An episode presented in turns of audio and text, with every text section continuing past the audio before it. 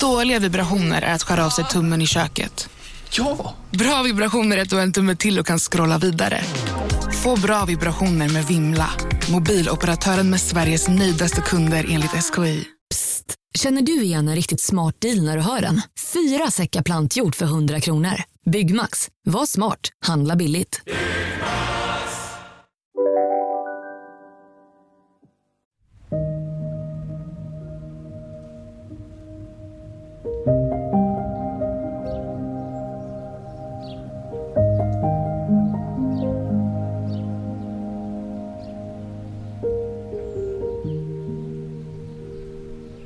Avsnittet tänkte jag inleda med att berätta om en sjuårig liten kille.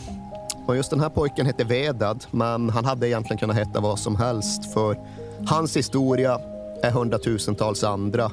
Hans historia är egentligen hela nationens.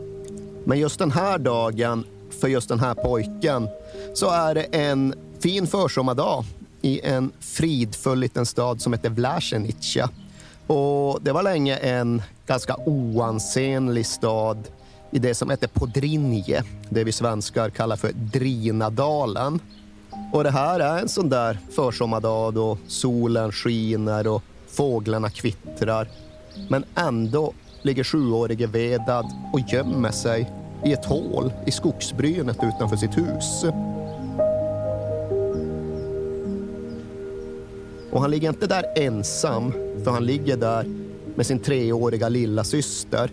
Men han ligger där helt utan vuxna, för hans pappa gömmer sig i skogen och hans mamma har faktiskt gått till jobbet. Men innan hon gick till arbetet just den här morgonen så tog hon med sig sina två barn och gick till skogsbrynet utanför huset och visade dem det här hålet som hon hade grävt. Den här gropen som var en dryg halv meter djup och sådär två meter lång och två meter bred. Och där hade hon lagt filtar och kuddar och så förklarade hon att ifall det blir så att det här är dagen då soldaterna kommer, då måste ni lägga er här och då måste ni ligga alldeles stilla och vara alldeles tysta. För det händer fasansfulla saker i Podrinje, i Drinadalen de här veckorna. Det här är i början av maj 1992 och bara några dagar innan sjuårige Vedad ligger i den här gropen så hade soldaterna kommit till hans mammas lilla by halvannan mil bort. Och i den här byn, Pidjuke, där hade soldaterna kommit och de hade ropat ut namn i megafoner. Och sen hade de samlat ihop byns bosniaker, byns bosniska muslimer utanför affären. Och så hade de mördat mer eller mindre var och en av dem.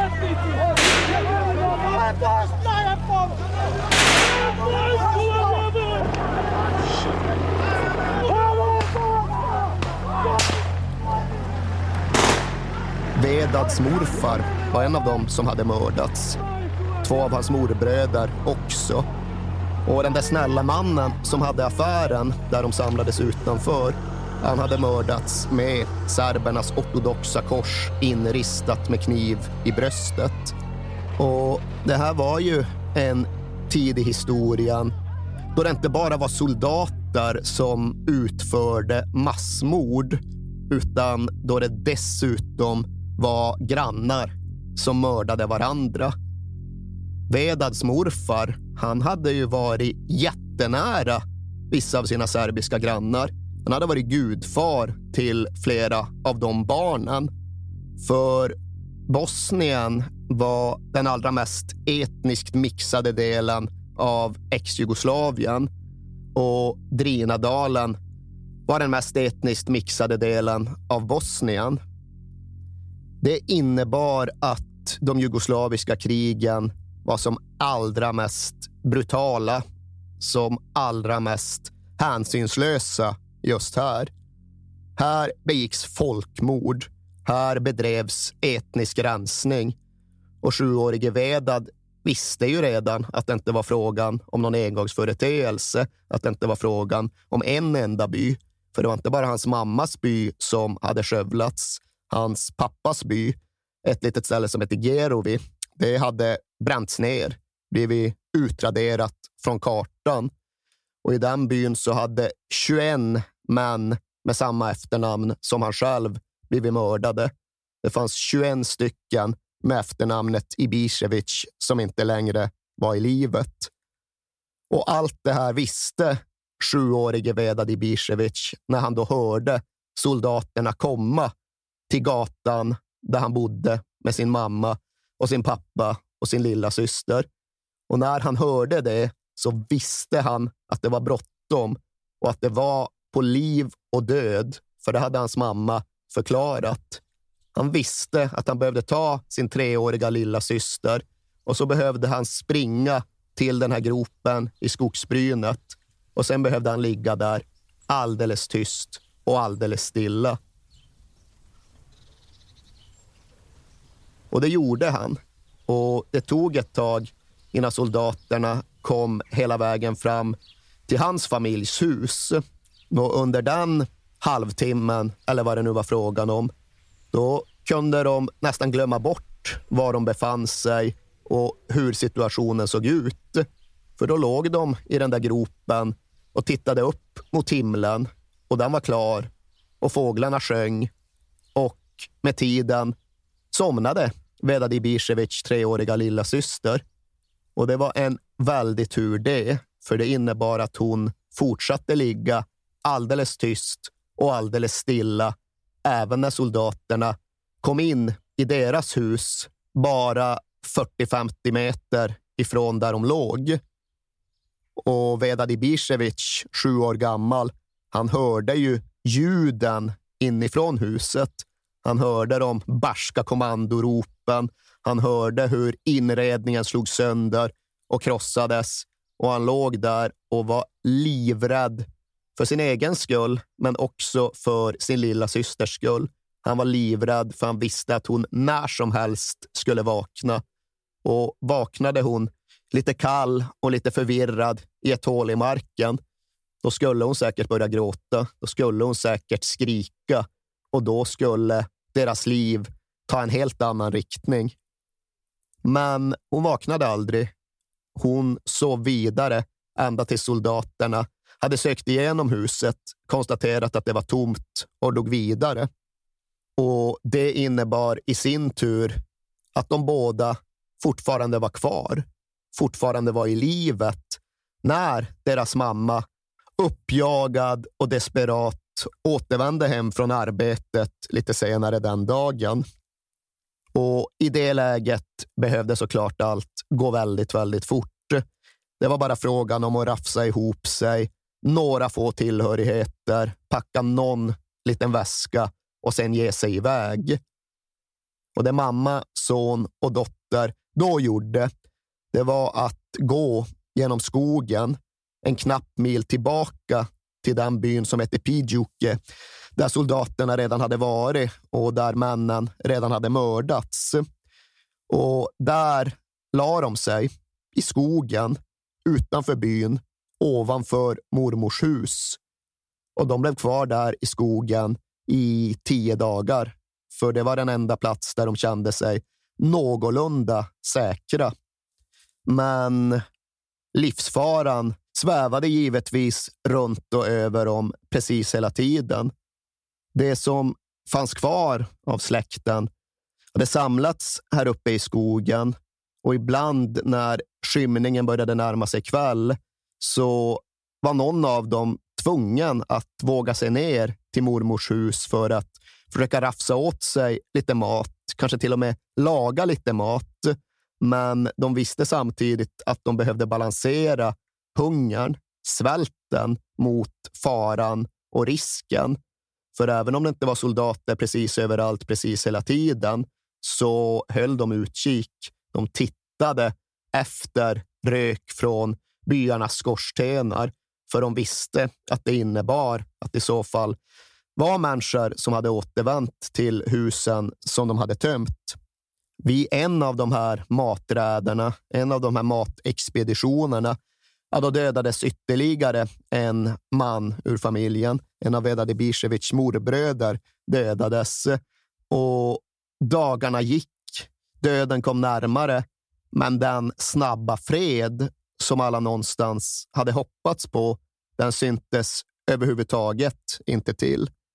Så efter tio dagar, eller om det nu var två veckor, då gick den lilla familjen Ibisevic tillbaka samma väg som de hade kommit. De gick tillbaks genom skogen mot den lite större staden Vlasenica och busstationen som fanns där. Och bussarna gick fortfarande, men det var de serbiska soldaterna som bestämde vilka som fick åka med de där bussarna och vart de i så fall skulle åka. Vissa av bussarna gick norrut mot det som för bosniakerna var säker mark. Men de allra flesta bussarna, de gick österut. De gick till den lilla staden Srebrenica fyra mil bort. Och det var där alla de som inte hade någon typ av utresetillstånd hamnade. Och familjen Ibisevic hade inget utresetillstånd. Familjen Ibisevic skulle bussas till Srebrenica ifall det inte var så att mamman i familjen fick syn på en soldat i serbisk uniform som hon kände ganska väl. Det var en av männen från hembyn som nu hade blivit en fiende. Men det var i alla fall en fiende som det gick att köpslå med. Så mot nyckeln till det hus de redan hade lämnat så gick den serbiska soldaten med på att låta familjen Ibisevic åka norrut istället för österut. Istället för Srebrenica så kunde de närma sig staden Tuzla. De fick inte åka buss hela vägen. De fick gå den sista biten. De fick gå en ganska lång sträcka förbi döda kroppar i dikena och längs vägrenarna. Men de kom i alla fall fram. De kom i alla fall ut. Så väldigt många andra gjorde aldrig det.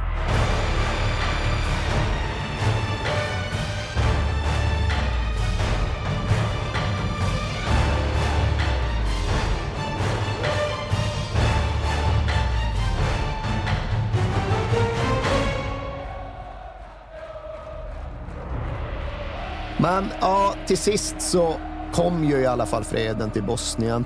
Till sist så befriades Sarajevo och det var sannoliken på tiden för även om det var en motståndskraftig stad så var det ju en europeisk huvudstad på god väg att gå under. De hade ju haft slut på kött, slut på frukt och när det sen tog slut på mjöl, ja, då var det ju riktigt så då var det illa på riktigt. Då kunde de inte ens baka bröd. Nej. Då var det massvält som hotade ända tills det att FN fick upp flygplatsen igen och det kunde flygas in förnödenheter. Men det är svårt att föreställa sig lidandet och skräcken som präglade Sarajevo under de belägrade åren. Och det är också svårt att sluta häpnas inför modet och tapperheten som innebar att staden trots allt höll ut och höll emot. Fotbollsspelarna sprang ut under kulspruteeld och därefter så kom ju egentligen hela Sarajevos överlevnad att hänga på den tunnel som invånarna grävde under flygplatsen skeppets tunnel, 800 meter lång, där det kunde komma in både förnödenheter och vapen. Men till sist då i alla fall freden. Daytonavtalet på gott och på ont undertecknades den 21 november 1995. Och sen gick det inte många dagar, sen gick det knappt en vecka innan bosnierna såg till att få spela sin första officiella landskamp mot Albanien borta. Förlorade den med 2-0 och de första åren bestod väl uppriktigt sagt en hel del av förluster. Ja, Erik, idag ska vi prata om Bosnien 2014. Och De ska in i det här drömkvalet. Det är ju inte vem som helst som styr laget va? Nej, om vi börjar där så är ju det en både enkel och korrekt sak att slå fast. Bosniens förbundskapten vid den här tiden hette Safet Zucic och han var väl till att börja med liksom FK Sarajevos svar på Ivica Oshim. Om Ivica Oshim var Zeljo så var Safet Zucic länge FK Sarajevo, fast ärligt talat var han en ännu mycket bättre spelare mm. än Ivica Oshim. Bosniens Platini är eh, de som har beskrivit honom som. Och det är inte så jäkla långt från sanningen, vare sig vad gäller spelstil eller kapacitet. Mm. Man liksom kolla på när Susic började spela landslagsfotboll för ex-Jugoslavien. Första landskampen, två mål. Andra landskampen, tre mål. Sen gick det ett tag och sen var det sommar 1979. Då skulle Jugoslavien möta både de regerande världsmästarna från Argentina och det som skulle visa sig vara de kommande världsmästarna från Italien.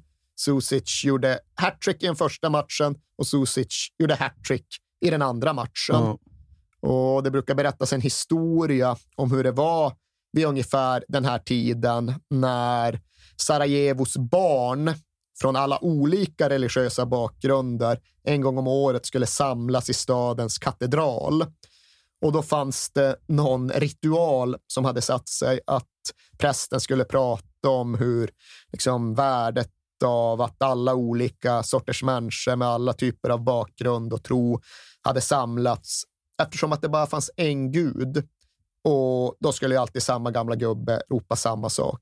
Ja, och det är Pappe. Safet Pape Susic. Ja. Det var då liksom referensen till att jo visst, det finns många olika trosuppfattningar i Sarajevo, men det finns bara en gud och det är Pape. Ja. Och det accepterade prästen och det accepterade alla åhörare. Och det var liksom deras grevinnan och betjänten ritual där en gång om året. Deras Gert Fylking var den där gubben som dök upp och vrålade om hur Pape Susic var deras enda gud. Och det må låta överdrivet, men det går inte att betona hur skicklig han verkligen var. När PSG, Paris Saint-Germain, firade sitt 40-årsjubileum, då utsågs han till klubbens bästa spelare genom tiderna. Ja. För det var dit han flyttade när han väl drog från ex-Jugoslavien. Tapi var väl ute och ville ha honom? va? Ja, det var han ja. ju. Ja. Det nämnde vi i OM-avsnitten. Ja. Men okej, okay, det var inte samma PSG som idag.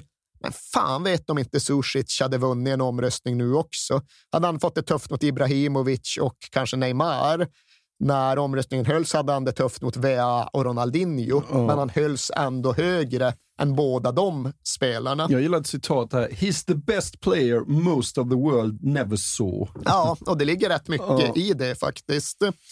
Och som tränare var han ja, men en fotbollsromantiker. Han gillade offensiv fotboll. Han gillade kreativa och begåvade spelare. Och Det var också med den typen av prat som han ramade in det här landslagets spelmodell.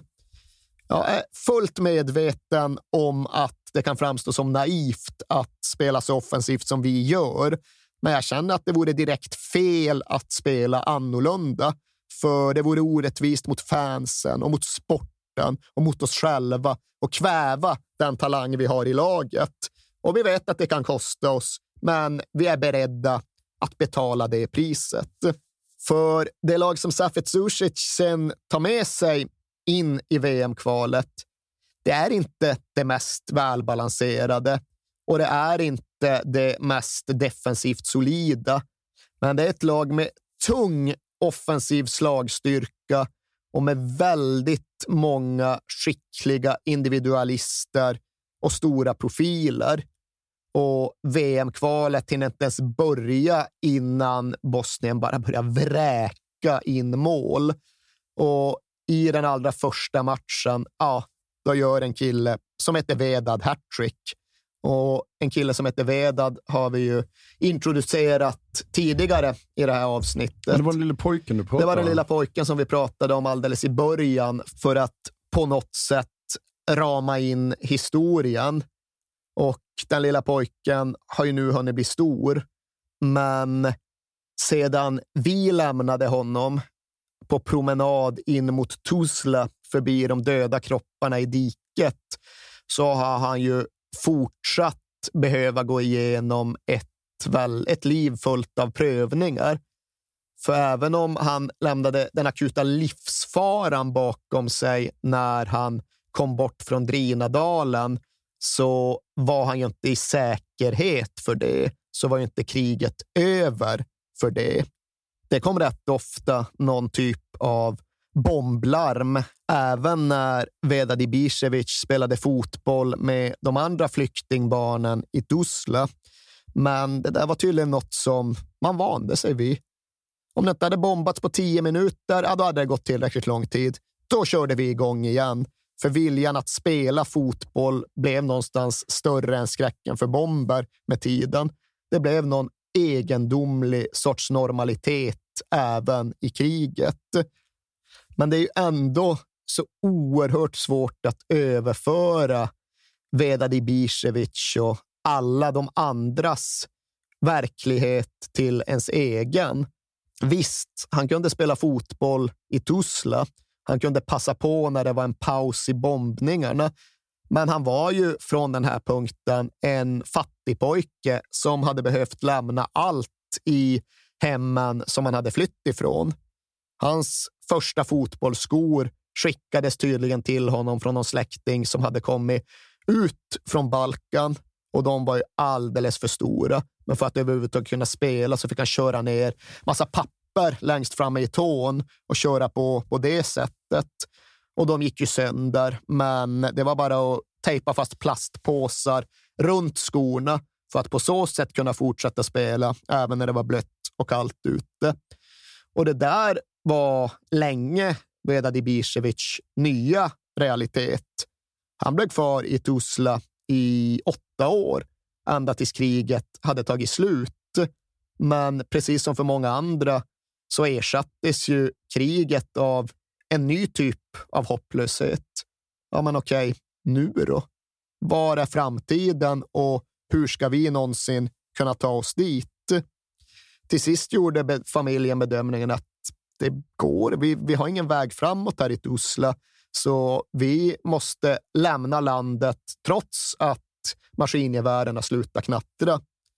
Så när Vedadibisevic var 16 så drog familjen först till Schweiz, men där satt de mest bara fast i en massa olika flyktingläger och därför vidare till USA. Och givetvis, det innebär en ganska ovanlig sorts väg till proffsfotbollen när man ser över och summerar den. Okej, okay, hur, hur har det här gått till, Vedad? Jo, först spelade han i och runt flyktinglägren i Tuzla några år. Sen kunde han väl börja spela organiserad fotboll med något pojklag där.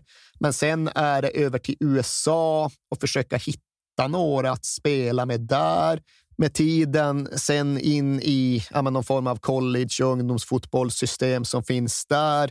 Men egentligen ingenting. Egentligen bara Chicago Fires U23-lag innan Vedad Ibisevic sen gör ja, en ganska ovanlig typ av proffsflytt för hans allra första klubb blir ju PSG. Ja. Paris Saint-Germain, det är hans första riktiga fotbollsklubb. Ja. Och det kommer sig av att han, ja, de hade en bosnisk manager, Vahid Halilodzic, en man som till exempel själv hade blivit sårad i Mostar under kriget. Han fick höra talas om den här Bosnien borta i USA som faktiskt har en rätt stor talang och han tänkte tydligen, ja, vad fan, hjälpa en broder, ta hit honom på provspel. Ta med tusan, han var ju faktiskt rätt okej. Okay. Och därför den extremt ovanliga rutten från flyktingläger i Tuzla till collegeplan i USA, raka vägen in i ligaspel för Paris Saint-Germain och sen vidare därifrån. Och nu är vi ju ytterligare några år framme i Vedad Ibisevics personliga berättelse, för nu är vi ju framme vid VM-kvalspelet hösten 2012, då han själv gör hattrick direkt i första matchen. Men han är inte den enda som utmärker sig, för bosnierna gör 8-1 i den här premiärmatchen mot Liechtenstein. Och tittar man på bilderna från matchen så är hela arenan full med bosnier tittar man utifrån perspektivet som tv-kameran filmar ifrån så är det bara bosnier på arenan. Ja. Det blir för lite, vad säger man, Liechtensteinare? Är det korrekt? Ja, det tror jag. Det är några människor från Liechtenstein på huvudläktaren, men alla andra sidor är bosniska och de jublar åt mål efter mål efter mål. Och sen går det fyra dagar och sen vänder de hem och sen gör de fyra mål på Lettland. Och det är visserligen inte världens svåraste motstånd, men det är ändå tolv mål på två matcher. Och mer än någonting annat var detta Safet Susic Bosnien ett sevärt lag, ett anfallsglatt lag, ett kul jäkla lag att titta på.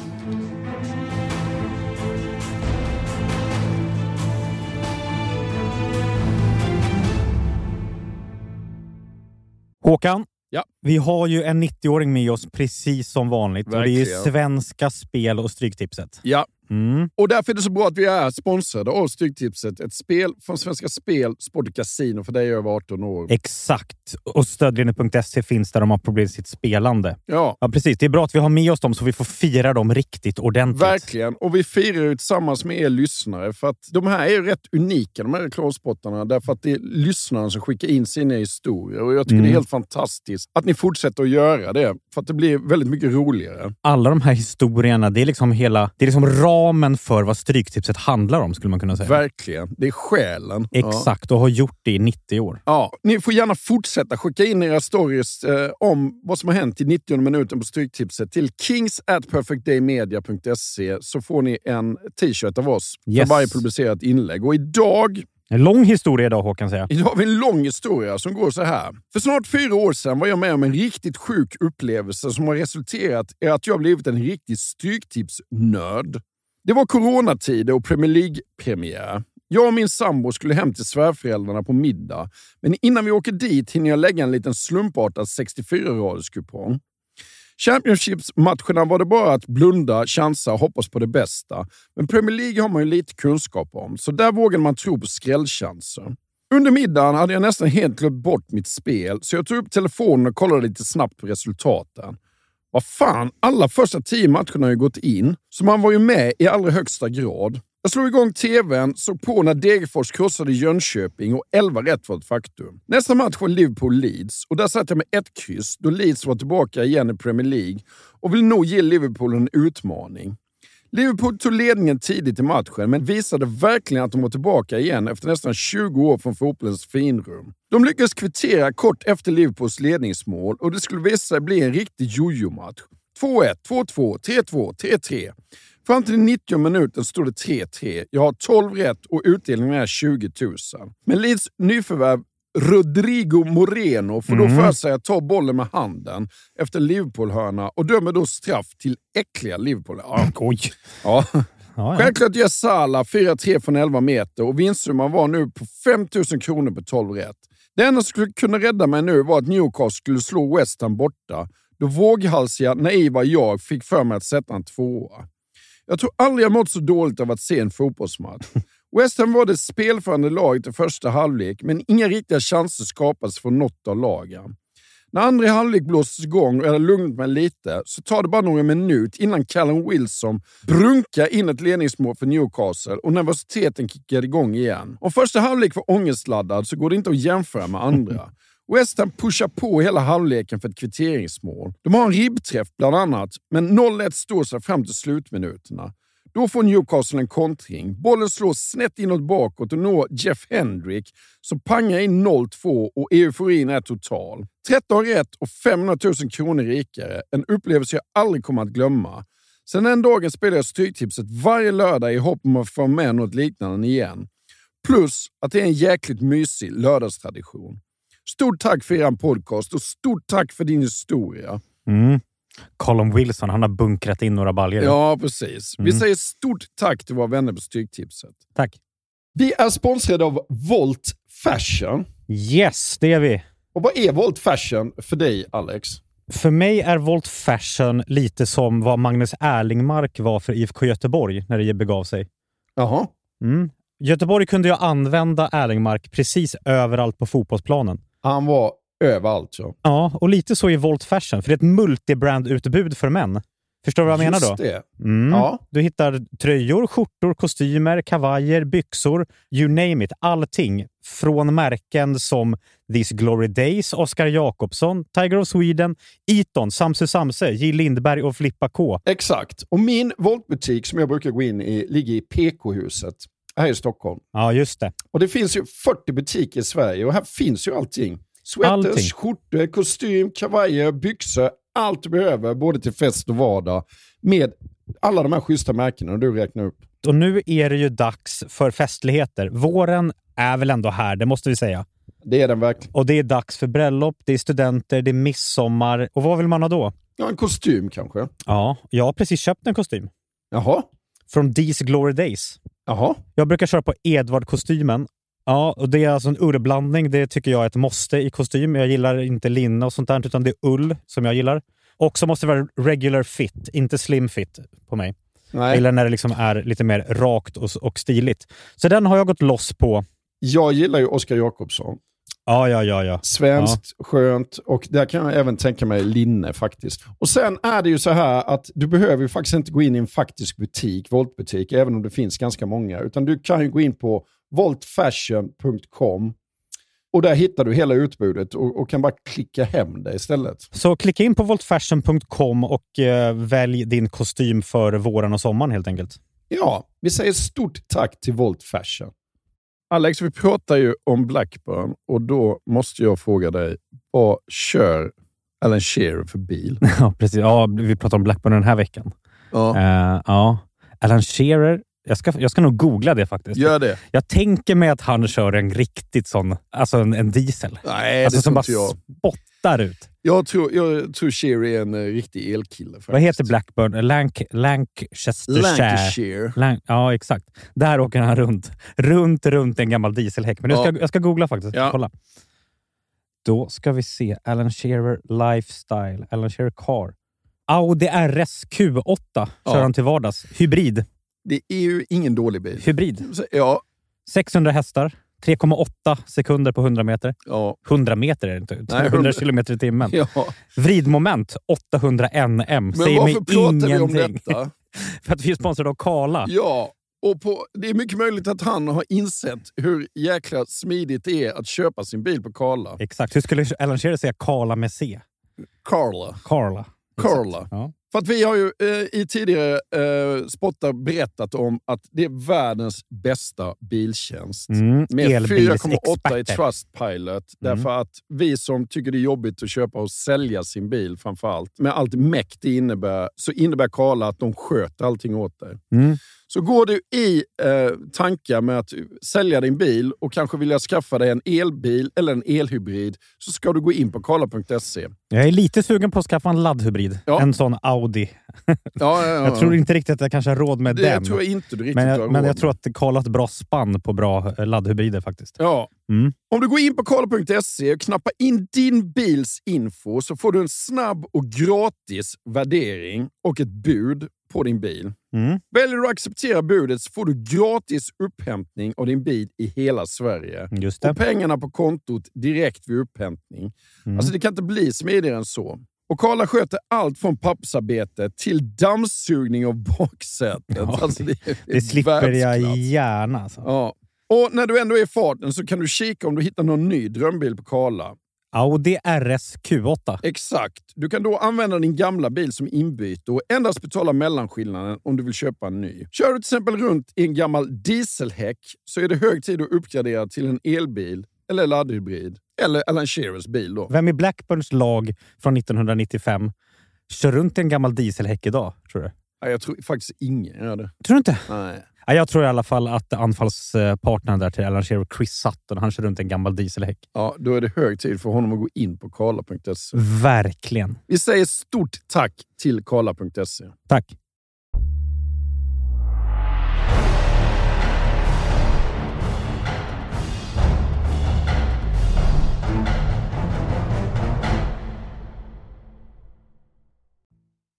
Men fotboll spelar de. Ja, och efter den här första målexplosionen så åker de sen ner till toppsidade Grekland och får med sig ett 0-0-kryss.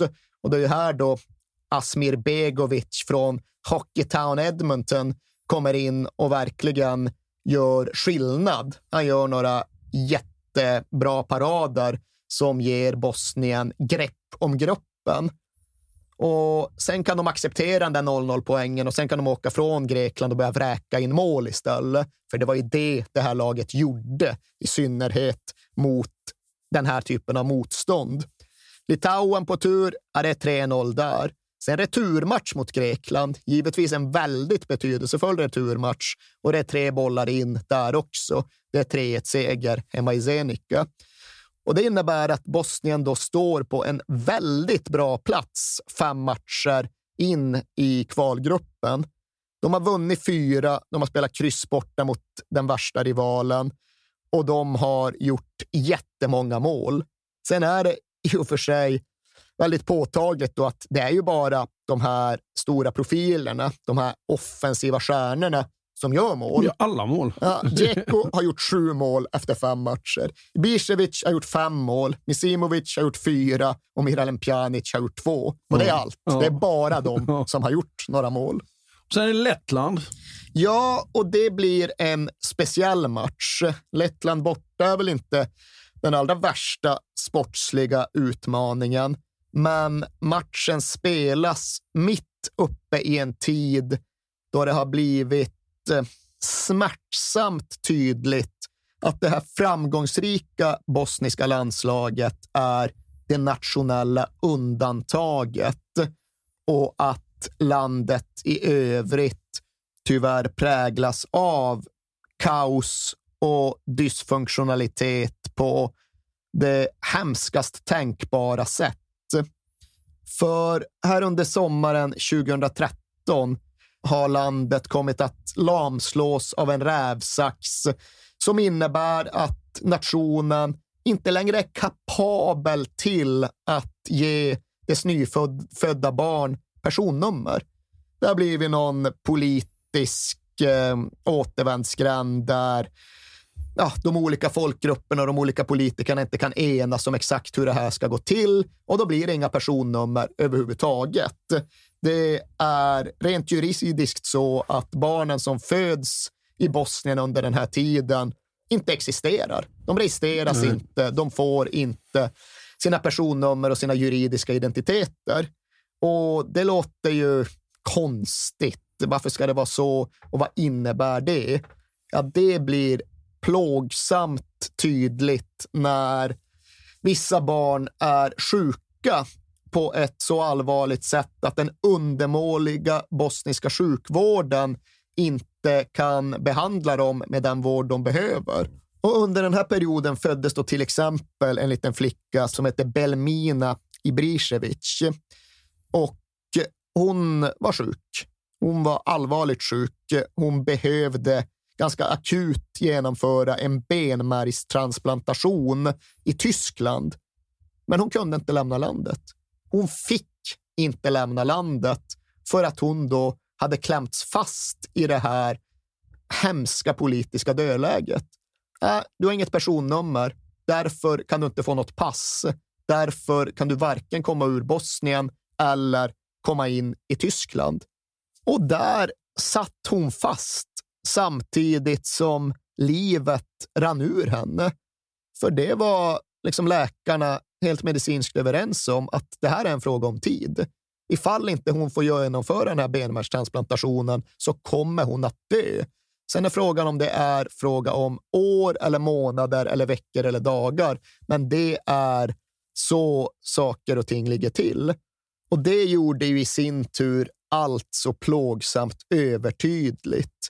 Liksom de bosniska politikernas oförmåga att samarbeta, att styra landet innebar att Bosniens barn riskerade att dö. Och det överskuggade allt i Bosnien vid den här tiden. Det överskuggade och påverkade såklart även fotbollslandslaget. De gick ut till den här bortamatchen mot Lettland under Belmina-flagg. Edin Dzeko sa det att ja, vi spelar för Bosniens alla barn. Ikväll är vi alla små Belminas. och det gav extra tyngd, extra signifikans till den här fotbollsmatchen som annars mest fortsatte så som kvalet dittills hade gått. Bosnien hade ju inga problem med Lettland. De körde över det motståndet. De vräkte in mål. De hade väl 5 000 fans på en liten arena som hade 8 000 platser mm. och de vann till sist med 5-0. Och gjorde Dzeko mål? Jodå. Gjorde Ibisevic mål? Jajamän. Pjanic då? Jepp, han också. De eh, fortsatte prestera, fortsatte leverera och de tog sedan sommarlov på en extremt gynnsam plats i kvaltabellen. Pjanic! Ajvomire! Pjanic! Ma bombe! Mujdja! Mujdja! Nova chansa! Bagage!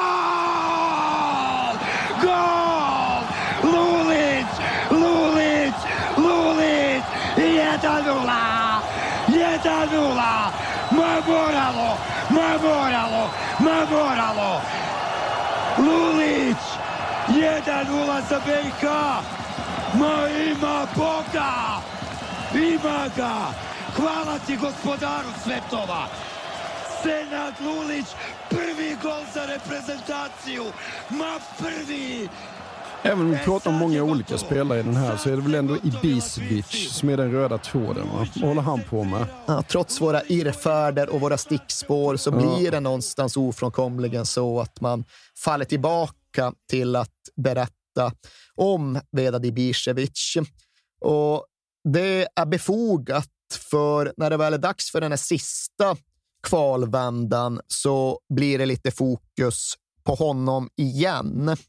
För i en av de stora bosniska tidningarna så publiceras det ett öppet brev adresserat till landslaget generellt, men till Ibisevic specifikt. Och det är liksom ett brev som kollektivt skickats från den lilla bortglömda byn Skosic. Och Tror du jag är trygg med det uttalet? Ja, men det tror jag faktiskt stämmer. okay, ja, det, det, kommer vi få veta, men jag gör mitt bästa. Eh, det här är hur som helst en liten bortglömd by i Podrinje i Drinadalen. Och det är ju en väldigt stor och viktig del av det nationella projektet att få de nedbrända, skövlade, övergivna byarna återbefolkade. Det är liksom väldigt viktigt för Bosnien att flyktingarna kommer tillbaka och ger liv åt de här platserna återigen. Men det är ingen okomplicerad process och det är inte någon enkel sak att kräva av människor eller ens uppmuntra människor till. Och det räcker egentligen med att titta på Skosic för att inse det. För ja, det var några dussin som hade återvänt, som hade byggt upp sina hus igen och som försökte ge livet tillbaka till byn. Men det var inte så att de fick någon hjälp med detta. Vägen dit asfalterades aldrig.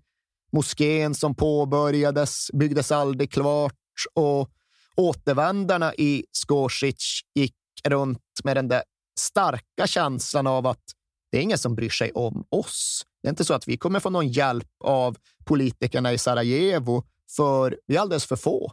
Det är för få röster, för få väljare här för att någon ska bry sig. Och före kriget hade tydligen Skosic haft typ 350 invånare. Sen hade de varit nere på noll, men nu var de tillbaka på 35. Och allt det där gav invånarna i Skosic uttryck för i det här brevet till Ibisevic. Men de gav ju också uttryck för det här andra.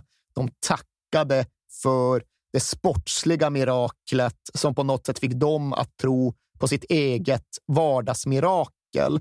De tackade för just det här med att det här var ett landslag och en spelargrupp som visade en väg framåt när det inte verkade finnas någon annan sådan. Och när Veda Dibisevic sen fick läsa det där öppna brevet så berördes han djupt och personligt. Och därtill så var han den typen av människa som liksom inte nöjde sig med att bara tycka att det var kul att läsa och roligt att höra, utan han ville ju även visa uppskattning tillbaka på ett väldigt konkret sätt. Så han såg helt enkelt till att bjuda in ja, men hela byn, hela Skosic. Kom till landslagssamlingen, kom till den här avgörande kvalmatchen. Ni tackar oss, vi vill tacka er. Vi ska göra det här tillsammans. Och precis så blev det. Och det är klart att det blev någon typ av litet medialt spektakel kring det. Nu ska hela Skosic åka i den här bussen in till stora staden för att träffa den glittrande stjärnan från det framgångsrika laget. Det gjordes en väldigt stor poäng av att bussen ska avgå utanför huset där byns nya son har fötts, där det enda barnet sedan återkomsten genomfördes hade fötts. Nu var det nystart, nu var det omstart, nu var det framåt som gällde. Och ja, byns Gosic åkte i samlad tropp in till Sarajevo, träffade Vedad Ibisevic där i flera timmar, fick presenter, fick gåvor, fick minnen för livet och sen vidare till Zenica där då landskampen spelades.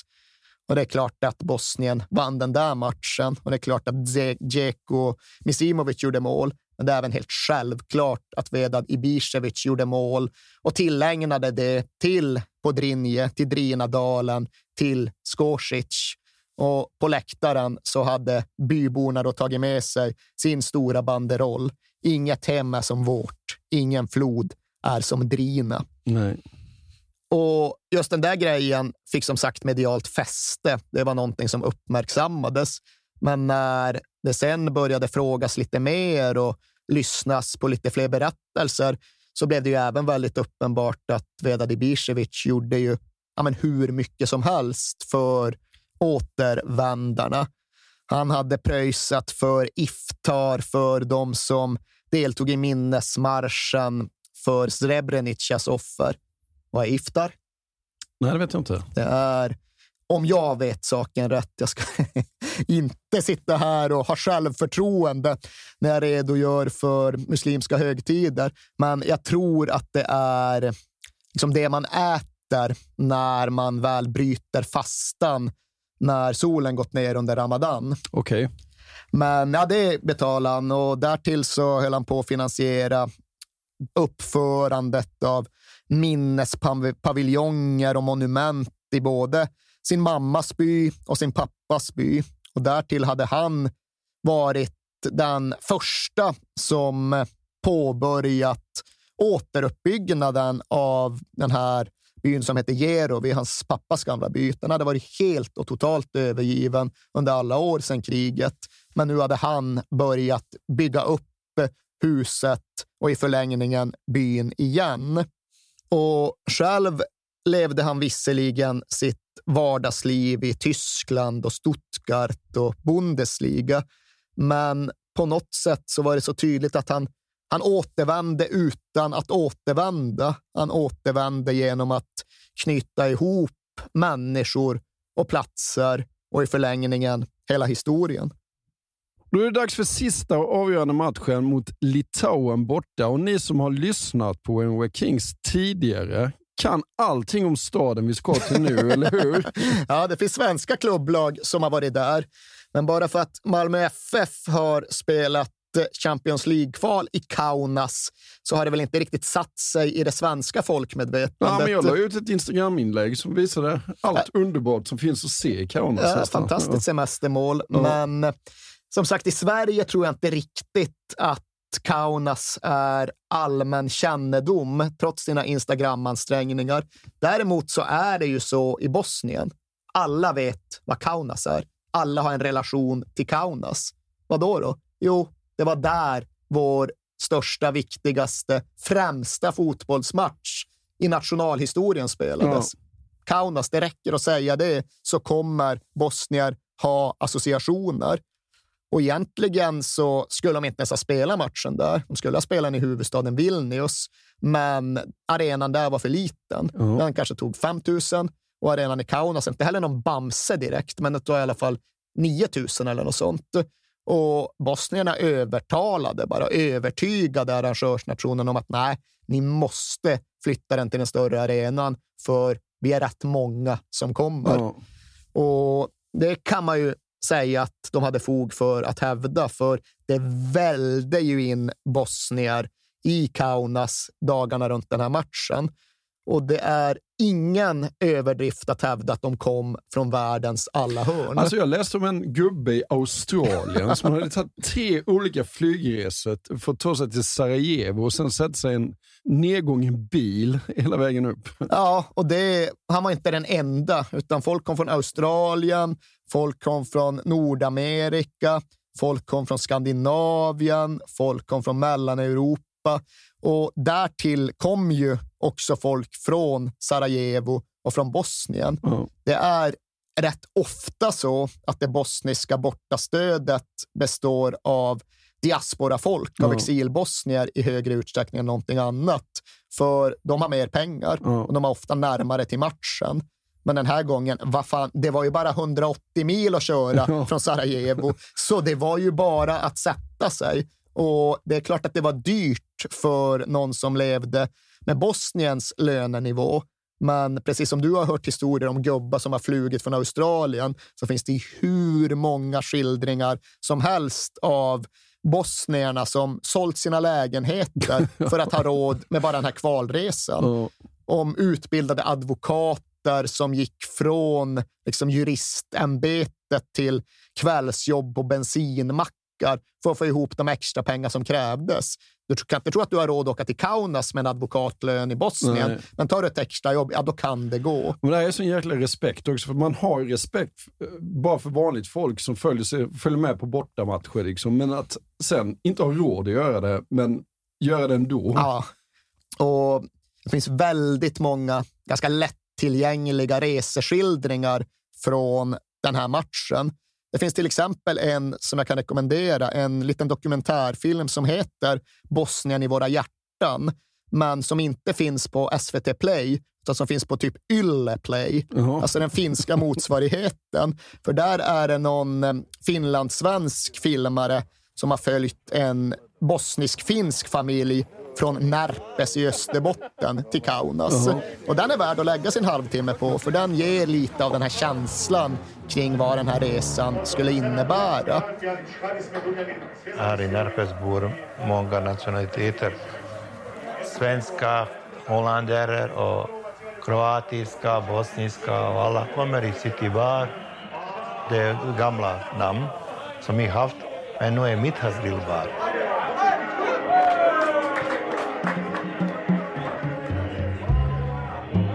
Jag är glad att vi är ihop, nästan allihop här. Vi måste leva tillsammans. Vi kan inte bli grannar om vi inte pratar.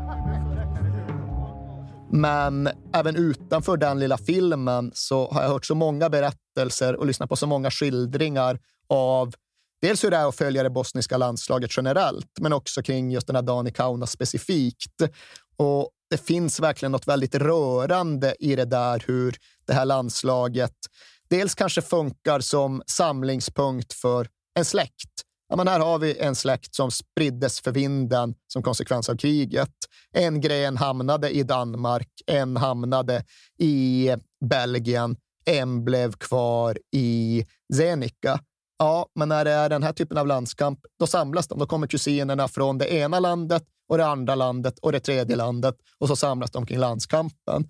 Det är starkt, men det är nästan ännu starkare när jag har hört det berättas och när jag faktiskt sett med egna ögon också kring vissa bosniska landskamper. Hur det helt plötsligt bara, äh, värsta skri, vad är det nu då? Ser man två män mötas och det kan vara liksom två gamla gubbar som man undrar varför de är så oerhört glada att se varandra. Så frågar man runt lite grann och så lyssnar man och så, ja men det här är två gubbar som en gång gick i skolan ihop i Banja Luka för 40 år sedan.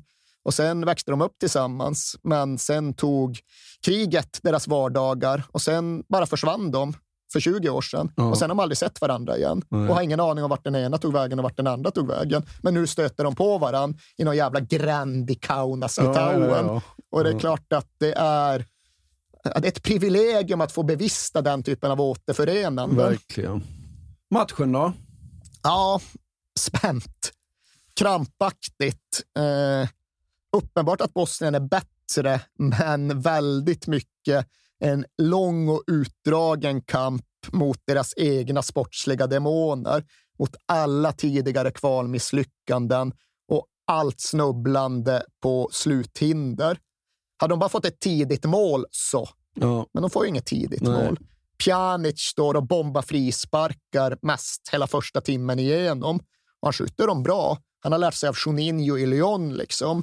Men den litauiska målvakten får för sig att vara Zamora just den här kvällen. Så han räddar den ena, han räddar den andra, han räddar den tredje också. På den tredje blir det tur och Bisakcic följer upp med en sorts oren cykelspark från tre meter. Men den går ju över ett öppet mål. Nu har plötsligt pausvilan passerat och nu är det plötsligt bara en halvtimme kvar. Och nu kan jag tänka mig att det är rätt jäkla mentalt påfrestande att vara bosnier i Kaunas, Ja. alldeles oavsett om man står på läktaren eller är på planen. Men då kommer ju då förlösningen. Misimovic, detta lirkiga spelgeni, hittar ju öppningen och hookar fram bollen till en djupledslöpande Lulic och han stöter ju dit den. In i nät, 1-0 till Bosnien. Bara det att det inte är det. Nej. Offside. Decimeter kanske, förmodligen Ja. korrekt. Offside, inget mål. Och nu är det ju jobbigt på riktigt. Ja. Nu är vartenda sportsligt spöke från förr också på plats i Kaunas och flyga in över den här idrottsplatsen som det är frågan om. Och det går fem minuter till och Ibisevic har något rappt avslut där målvakten återigen gör en rätt, jätteräddning. Men det är nästan bara 20 minuter kvar och tickar den över 70-75, börjar närma sig 80 matchklockan, då kan skräcken bli förlamande. Det måste liksom ske någonting nu och det gör det ju. Och det är i alla fall nej, alla är inblandade, hela den offensiva kvartetten. Pjanic är med tidigt i återerövringen och sen spelas Misimovic loss och han hittar i sin tur Djeko i vänster innerposition och Djeko bara trampar runt sin back och lägger in den parallellt med mållinjen. Och där står redan Ibisevic som binder ihop allt, som frälser hela jäkla grejen med att stötta in bollen i öppet mål.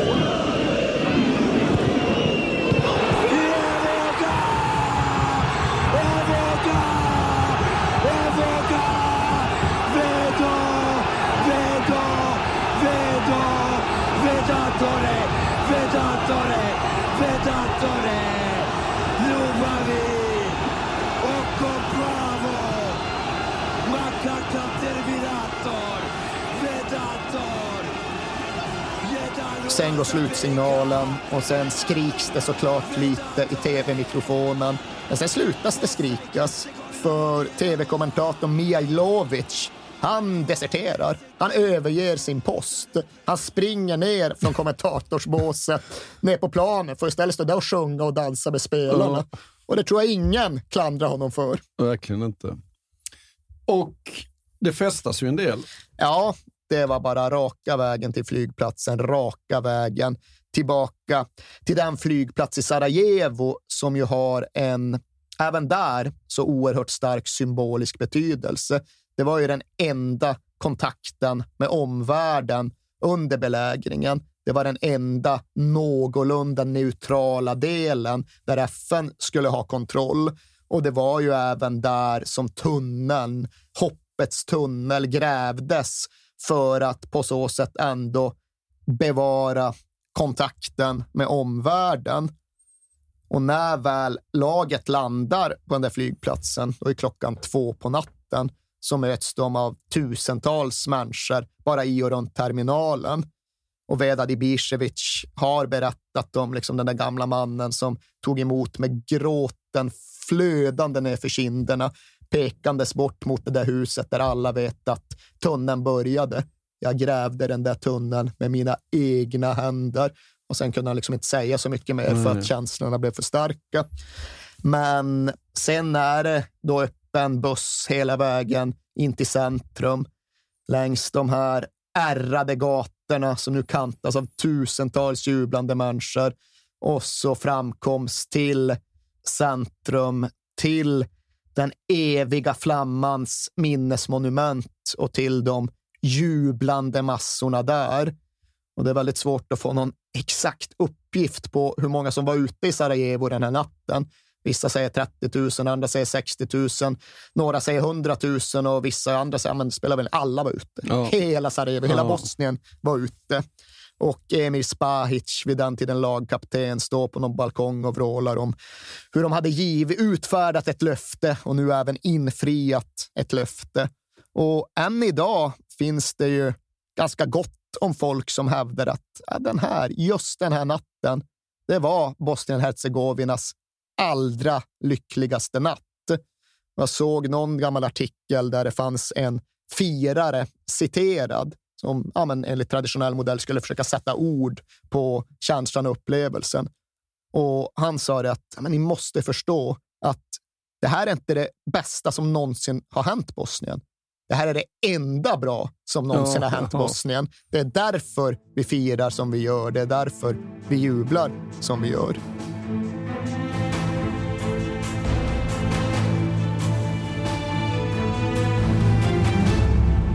Och VM närmar sig. Något positivt Välkommen till Telenor röstbrevlåda. Hej min fina fina mamma. Kan inte du snälla swisha mig för fika? Älskar dig, puss puss. För att repetera detta. Hej min fina fina mamma. Spara samtalet när du förlorat den som ringde på telenor.se calls. Hej, Synoptik här. Visste du att solens UV-strålar kan vara skadliga och åldra dina ögon i förtid? Kom in till oss så hjälper vi dig att hitta rätt solglasögon som skyddar dina ögon. Välkommen till Synoptik. Välkommen till Momang, ett nytt smidigare casino från Svenska Spel, Sport och Casino där du enkelt kan spela hur lite du vill. Idag har vi en stjärna från spelet Starburst här som ska berätta hur smidigt det är. Jaha, så smidigt alltså. Momang, för dig över 18 år. Stödlinjen.se. den här uppladdningen. Då. Ja, kanske ändå en av de sista träningslandskamperna som Bosnien spelade. Och för den som inte förstod så framstod den som helt obegriplig. För schemat innebar att de skulle dundra iväg till USA för att möta Elfenbenskusten i St. Louis. Ja. Varför arrangerar man den matchen? Jo, för att i St. Louis så finns världens allra största bosniska community. Hur kommer det sig?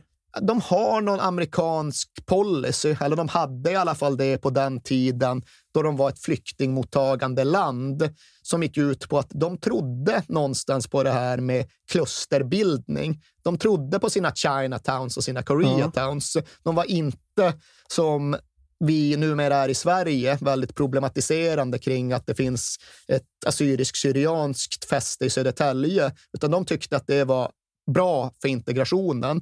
Så de liksom smällde mer eller mindre upp ett somaliskt community på en stad och ett armeniskt community i Los Angeles och ett bosniskt community i St. Louis. Ja. Little Bosnia, va? Ja, exakt. Och det, de har ju en väldigt lång tradition av immigration och integration genom the little Italys och the little Koreas of this world. Så de har väl fog för att hävda att den modellen har funkat för dem.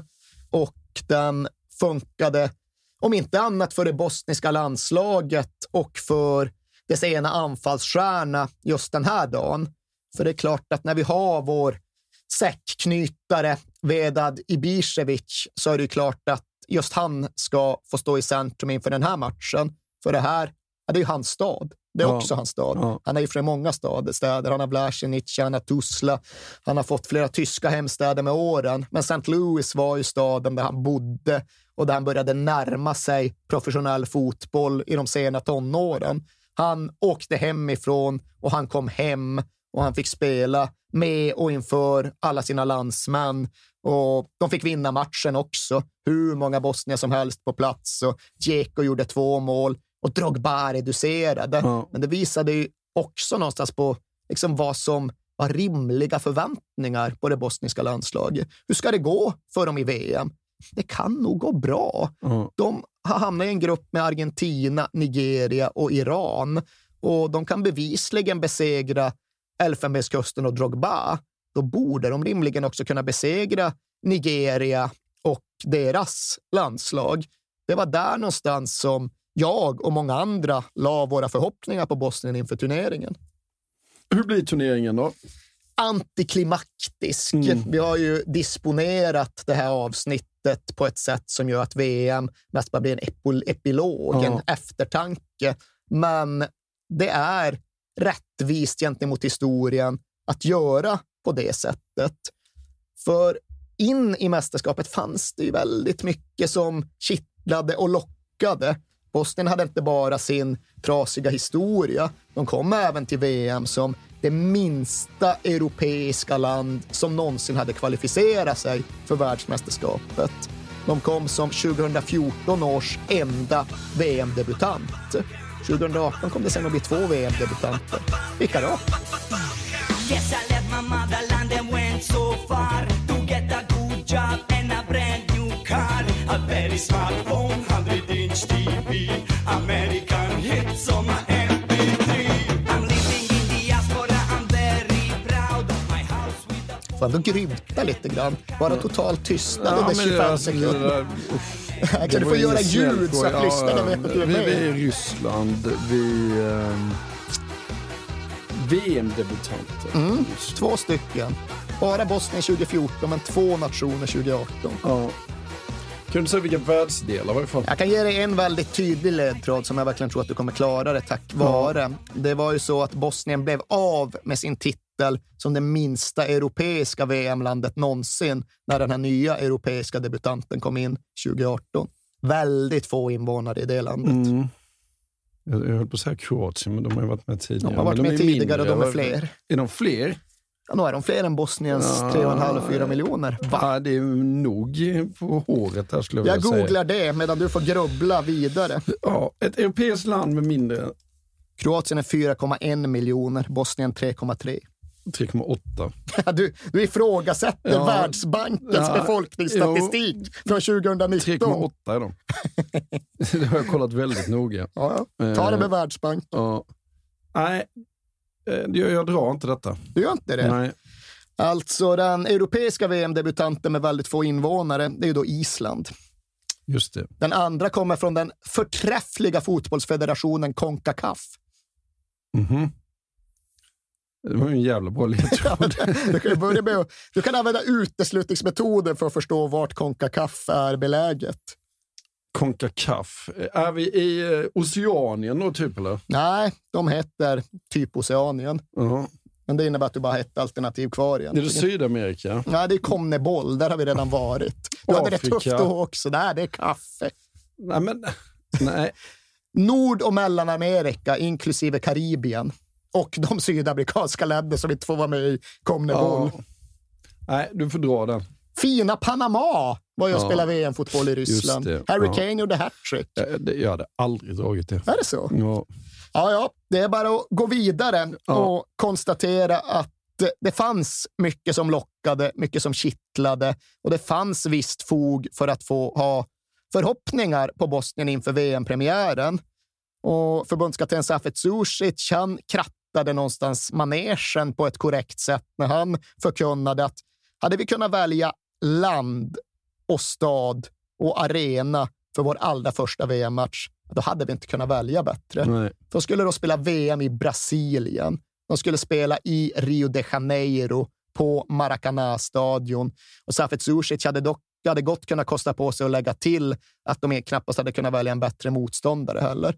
De skulle ju möta Leo Messis Argentina Ja. och det innebär ju att de får börja turneringen med a free hit.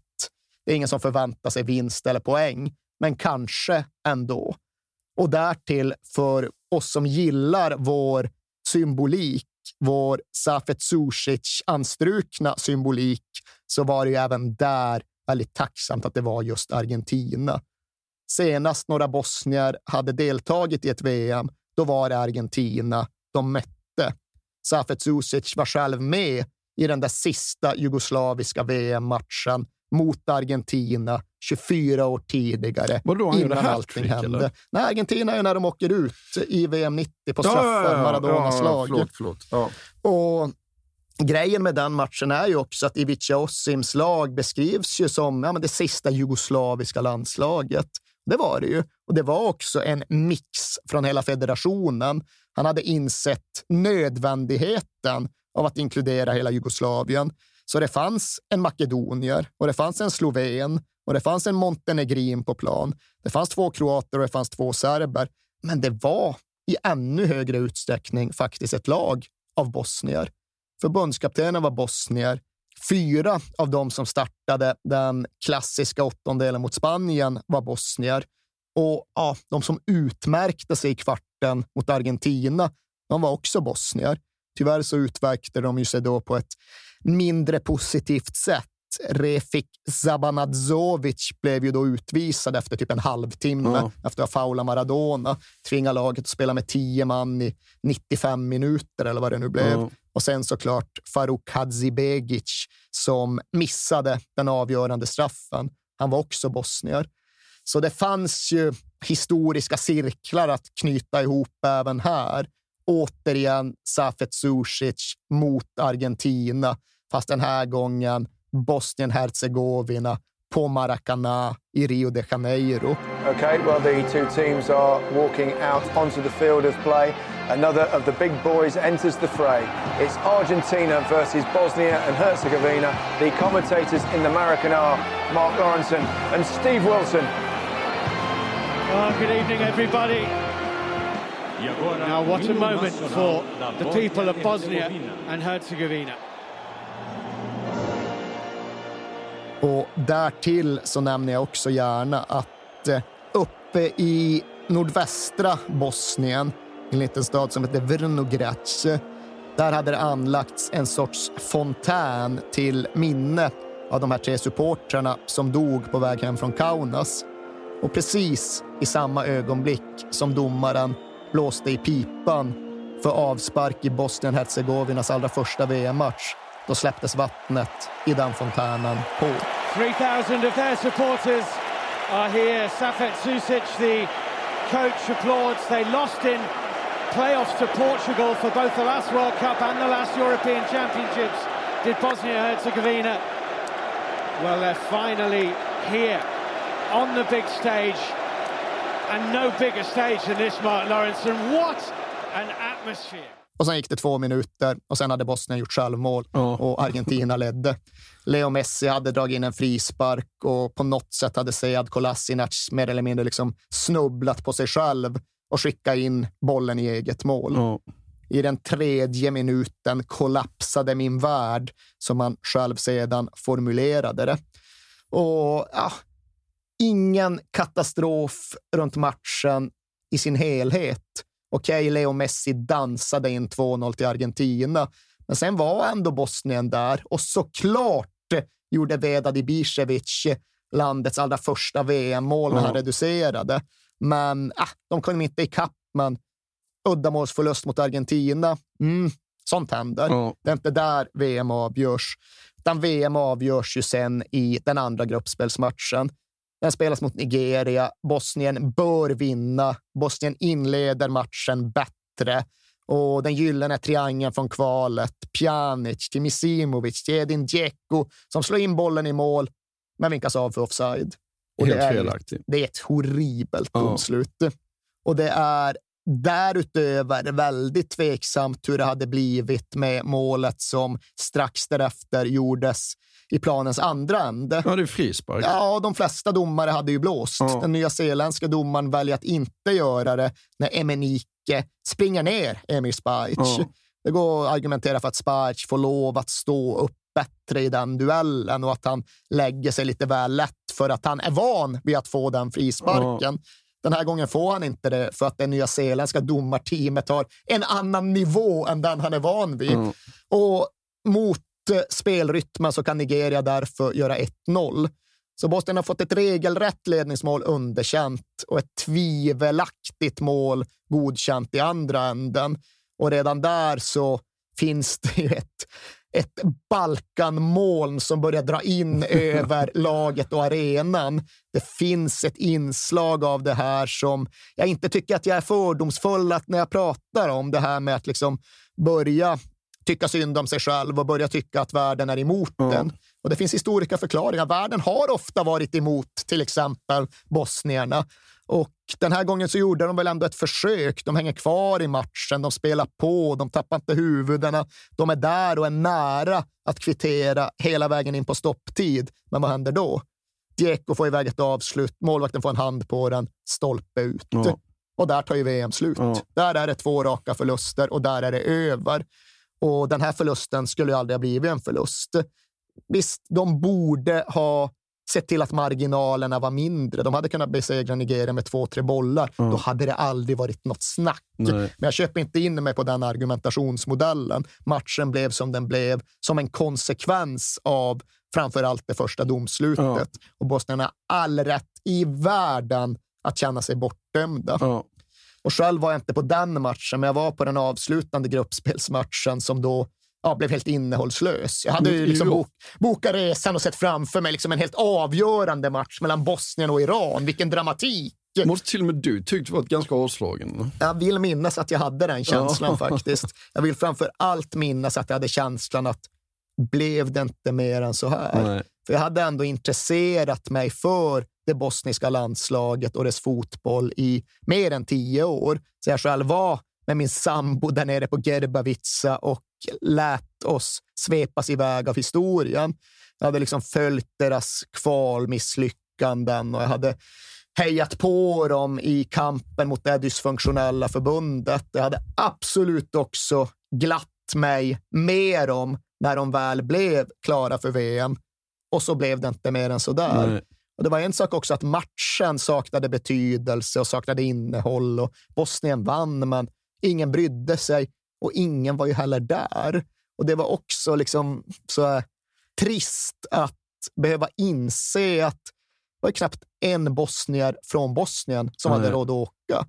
Jag tror att de sålde så här resepaket med matchbiljetter för 4 000 euro. Ja. Och det är bara för resa och matchbiljett. Kanske hotell också, men sen är det omkostnader och mat och allting. 4 000 euro, det var en årslön Ja. i Bosnien. Så alla som var där, det var ju antingen liksom någon form av förbundstyper eller diaspora-bosnier. Ja. Och ingen rangordning däremellan. Men jag minns att jag kände, det är så deppigt det här, att ingen har kunnat resa från Sarajevo eller från Tuzla eller från Podrinje för att se det här landslaget uppfylla allas drömmar.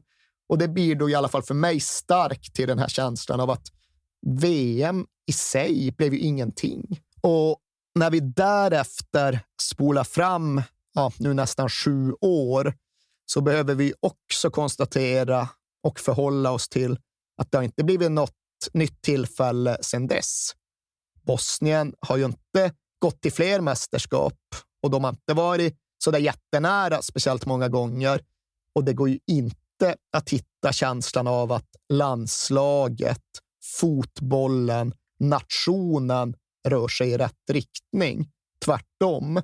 Och jag noterade här om sistens att en välkänd bosnisk fotbollsjournalist som heter Bakir Tiro gick ut ja, men, sportsligt postumt och berättade om en av sina upplevelser från Brasilien. De hade varit i den här lilla strandstaden som heter Guarujo där de hade sitt läger. Och efter något träningspass så hade de vankat från stranden mot hotellet och Safet Susic hade kallat till sig denna Bakir Tiro. De hade pratat lite grann och sen så förkunnade Safet Susic att han hade en sak som han ville säga och som han ville att journalisten skulle ta med sig, men inte offentliggöra nu, utan offentliggöra någon gång i framtiden när han kände att läget var det rätta. Jaha, mhm, det här lät ju väldigt dramatiskt. Liksom, vad är det du vill ha sagt så här kvällarna före vårt första historiska mästerskap? Jo, men herr journalist, hur tror du att framtiden blir? När tror du liksom vi spelar mästerskap igen? Ja, men det är väl liksom bara gång på gång, år efter år. Nu har vi liksom brutit vallen. Nu kommer vi vara regelbundna deltagare, för nu är ju allt på väg framåt. Savet Susic bara, nej, nej. Det är det här du ska förstå och det är det här du ska skriva någon gång när det blir läge. Att jag, som följer det inifrån, jag är helt övertygad om att det kommer dröja lång, lång tid innan vi spelar ett stort mästerskap igen. Och det där var ju då en tes eller en insikt som Safet Susic byggde på faktumet att den spelargenerationen som Bosnien hade 2014, den skulle inte gå att kunna upprepa. För ja, det var ju i hög utsträckning barnen som hade behövt fly kriget, men som hade fått sin fotbollsfostran någon annanstans i en välfungerande organisation, men som fortfarande hade starka band kvar till Bosnien. Den generationen kommer inte igen, utan nästa gång så kommer du antingen ha barn som växer upp i Bosnien med den icke-fungerande fotbollen och den icke-fungerande samhällsmodellen. Eller då barn som växer upp i någon helt annan del av världen, men där de bosniska banden och de bosniska rötterna blir allt svagare. Och det ser vi ju idag. När vi tittar på dagens bosniska landslag så ja, det är ju fortfarande Edin Dzeko. Mm. Men idag är en Edin Dzeko som snart ska fylla 35 och mest bara bråkar med folk i Roma. Mm. Och det är fortfarande Miralem Pjanic, men ja, även han börjar gå, bli till åren och sitter huvudsakligen bänkad i Barcelona. Och den generationen är obenhörligen på väg ut. Och vad är på väg in istället? Ja, det är ju de som har forstat i Bosnien, men sen är det ju inte längre flyktinggrabbarna, utan sen är det i någon mån istället flyktinggrabbarnas barn. Men där är det ju allt mindre självklart att de ska välja att spela för Bosnien. Mm. De har ju lite lyckats med ett trolleritrick som fått till exempel Anel Ahmedhodzic och Denis Hadzikadunic, båda födda i Malmö, att välja Bosnien. Mm. Men det är alltjämt en kille från Malmö FF och en annan kille från Rostov. Möjligt att det är framtiden, men det är ju inte Miralem Pjanic eller Amir Begovic eller Vedad Ibisevic. Och just precis idag, när ni lyssnar på det här, då har det bosniska A-landslaget gått 433 dagar utan att vinna en enda fotbollsmatch. Under 2020 vann de noll. Åtta matcher utan vinst. Och visserligen ett till mästerskapsplayoff, men den här gången playoff till playoffet och en förlust hemma mot ett uselt Nordirland. Och det är svårt att följa Bosnien utan att fastna i den här känslan av att tiden på något sätt är inverterad. Överallt annars så rör sig tiden framåt. Men här står en stilla, eller kanske till och med bakåt. Nu har de återigen sina förbundsstrider. Det nya upplägget med en exekutiv kommitté, men det funkade inte heller. De är kvar i sina skyttegravar och de kan liksom inte enas om en ny förbundskapten, utan det är maktkamper och det är revirstrider och det är tuppfäktning enligt etniska linjer. Och jag sitter än en gång och ser My Good Man Ismet Tursic från Borås tvingas sitta och företräda Beo Fanaticos i olika tv-debatter röster mot mer eller mindre korrupta förbundspampar. Och ja, det är väl som det är. Fotbollen är en sak, men ifall du tar det här omvända tidsförhållanden och applicerar det på samhället, på nationen, vart slutar det då? Maktkamp, revirstrid, tuppfäktning enligt etniska linjer. Vi vet vart det kan sluta ja. då. Och det går aldrig att skaka av sig farhågan för att det skulle kunna hända igen. För dagens Bosnien-Hercegovina, Bosnien-Hercegovina som skapades i Daytonavtalet för 25 år sedan, det fungerar inte. Nej. Och det är liksom ingen åsikt, det är ett faktum. FNs säkerhetsråd hade det uppe i fjol och liksom beskrev kronisk dysfunktionalitet och en pandemi som inte heter corona utan en pandemi som heter korruption och som aldrig verkar släppa greppet. Och fotbollen, ja, fotbollen skulle visa vägen framåt, men istället har fotbollen dragits ner i verkligheten. Det har gått rätt många år sedan det där målet och den där kvällen i Kaunas nu. Och ja, mycket har hänt samtidigt som alldeles för lite har hänt. Men med det sagt så saknar ju inte berättelsen, målet, framgången och glädjen betydelse. Det var, som Vedad Ibisevic själv har sagt, inte bara ett mål. Det var mycket mer än så. Det var hela historien. Och det var därtill också en historia som för en gångs skull, för en enda kväll, faktiskt hängde ihop. Historien om Bosnien, historien om människorna. Och just där och just då så hängde den faktiskt också ihop med framtiden.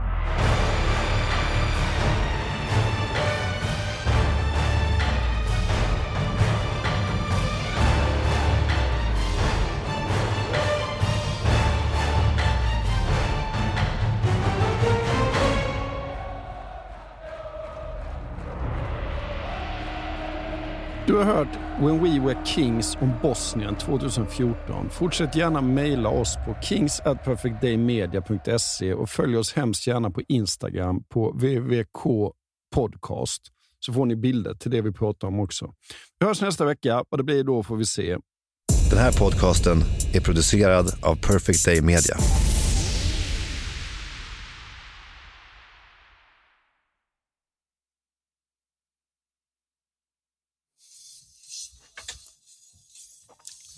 Nu kan Alex vagt i bakgrunden höra att The Libertines kom på, på shuffle och det vet jag att han inte är missnöjd med.